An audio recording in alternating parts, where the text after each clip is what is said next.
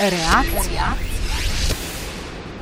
Ko se pogovarjamo o pretočni glasbi, se pogovarjamo o prihodnosti. Zaradi vse večjega števila uporabnikov so finančni analitiki ene največjih investicijskih finančnih družb na svetu, Goldman Sachs, konec lanskega leta napovedali rast te industrije v nebo. Do leta 2030 naj bi samo storitve pretočne glasbe ustvarile 34 milijard dolarjev letnega dohodka, kar je skoraj dvakrat več, kot ga trenutno ustvarja celotna panoga posnete glasbe. Do takrat naj bi plačljive storitve uporabljala že skoraj milijarda ljudi po vsem svetu, zdaj je uporabnikov približno 200 milijonov. Mislim, da je streaming servis.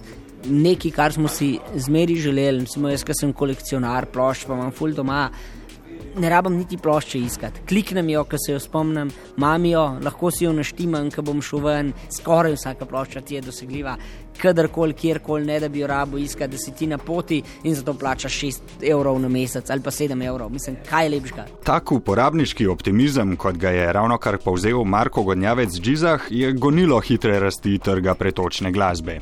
Tudi v Sloveniji take storitve legalno uporablja približno 15 tisoč ljudi, še okrog 10 tisoč pa jih uporablja prek različnih, recimo temu, inovativnih poti.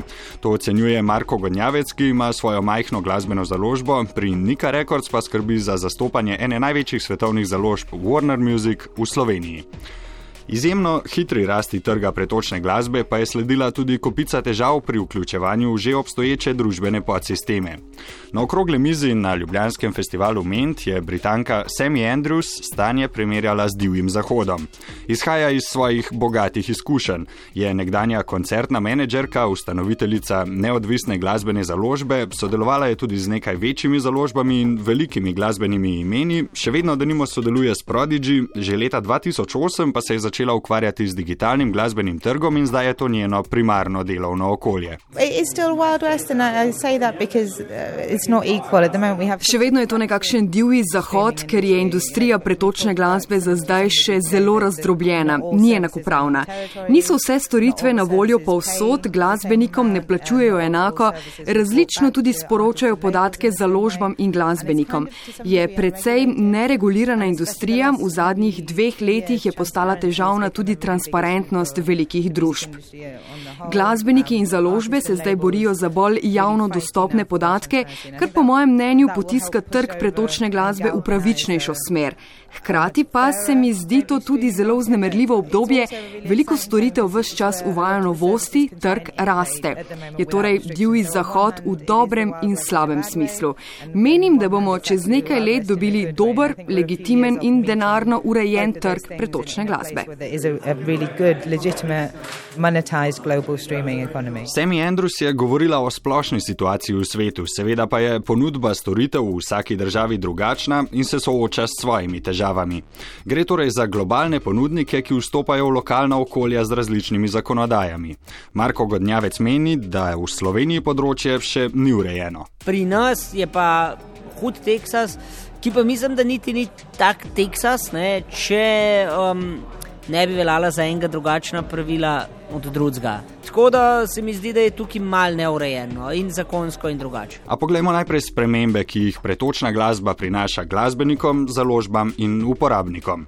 Tehnologija v zadju velikih storitev je zelo povečala pomen metapodatkov, torej podatkov o izvajalcu, žanru, letu izdaje, hitrosti in podobnem, ki so v zadju skladbe ali albuma.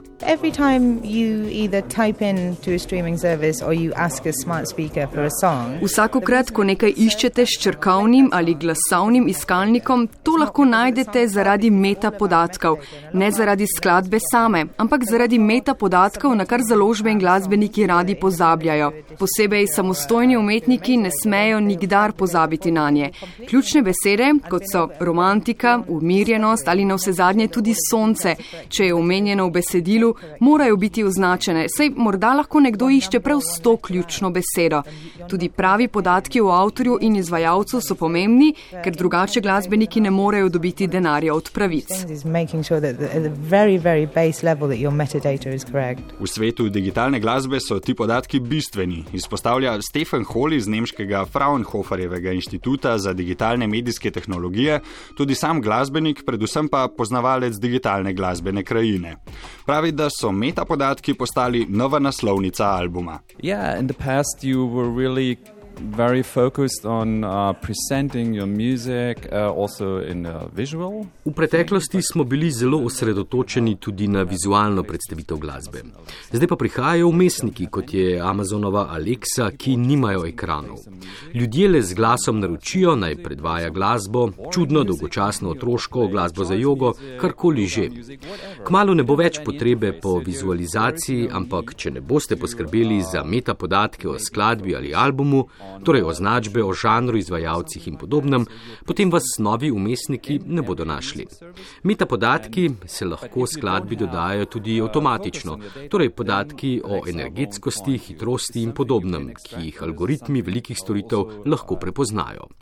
V prihodnosti se bomo morali veliko ukvarjati s tem, to bo postal prvi stik glasbenika s poslušalcev, ne več naslovnica albuma. Focus more on that because this is something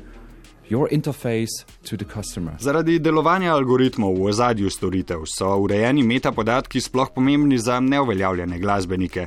Ti se bodo, hočeš nočeš, morali prilagoditi novi glasbeni realnosti, pravi Marko Godnjavec. Prva stvar, seveda, social media, druga stvar, dojemanje, kaj glasbeni svet ali pa recimo jaz fulne maram eh, izraza industrija je.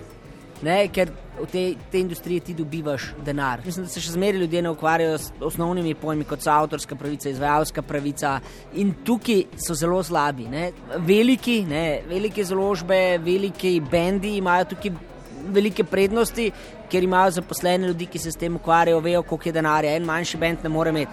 Ampak pač, če se že odloči, da dela vse v samo založbi, ne, da nima nekih distributerjev tega, da nima založnika, naj poišče na netu ogromno materijalov, kaj sploh s to glasbo delati. Jaz mislim, da Slovenija v tem zelo zaostaja. Pač izdamo ploščo, to je to, konec. Novo tehnološko okolje je prineslo tudi nove vratarje, torej tiste ključne osebe ali procese, ki najmočneje vplivajo na to, katera glasba se največ posluša. Stefan Holi.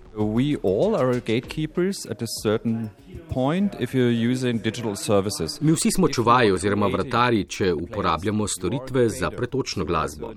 Če urejaš seznam predvajanja glasbe, si ustvarjalec, hkrati imaš tudi možnost vplivanja na druge.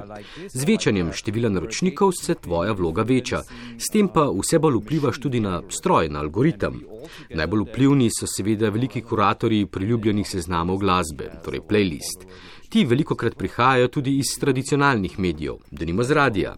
Tudi same storitve so nekako vratari, ker ne vemo, kaj delajo s svojimi algoritmi, kako obtežujejo pomen posameznih seznamov predvajanja.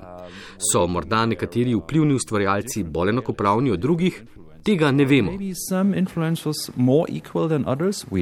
Ni pa nepomembno. 10 odstotkov največkrat predvajanih oziroma najbolj priljubljenih skladb ustvari kar 99 odstotkov vseh predvajanj pri storitvah pretočne glasbe, torej skoraj vse.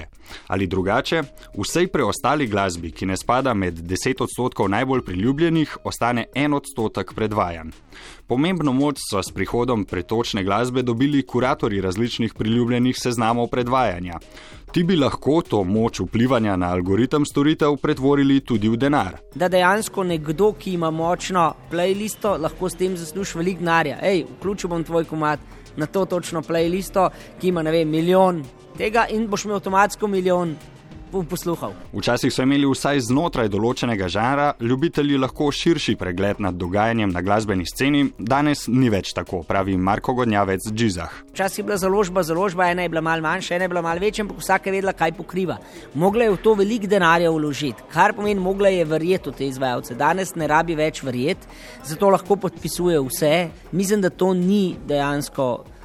Problem streaming servisov oziroma digitalizacije kot take, ampak je računalniškega opismenjevanja in pač seveda. Da ljudje nimamo časa in aha, to je zdaj hit, to poslušamo. Glasbeniki, ki še niso dosegli svetovne slave, se po eni strani torej borijo za preboj na trg, Po drugi strani pa se borijo tudi za svoje zaslužke. Izplačila avtorskih in izvajalskih pravic namreč niso samoumevna, kot je ugotovil tudi Stefan Holi. All my songs, all the songs from our band, Kot glasbenik sem ugotovil, da so skladbe našega benda, ki so jih zavrtele storitve Amazona, Spotifyja, Microsofta ali Google, v Združenih državah končale v uradu za avtorske pravice. Sej ponudniki pravijo, da ne vedo, kam naj bi nakazali denar od avtorskih pravic. Sam sem urejal metapodatke in točno vem, kaj smo navedli v njih. Če odpremo seznam, do katerega imajo zdaj vsi dostop, pa vidimo, da ni v njem nikakršnih podatkov o avtorstvu. Zato se sprašujem, kaj ponudniki velikih storitev delajo s podatki? So jih izbrisali? Ugibam, da je morda preveč zapleteno izplačati teh nekaj centov in je lažje samo predati vse skupaj uradu za avtorske pravice in reči, da ne prepoznajo te skupine. Vedeti moramo, da gre pri tem za več milijonov skladb in res je zapleteno nakazovati denar vsakemu, a morda je tole del poslovnega modela. Zato imajo velike storitve denar v svojih žepih, ne vejo pa, kako ga posredovati glasbenikom.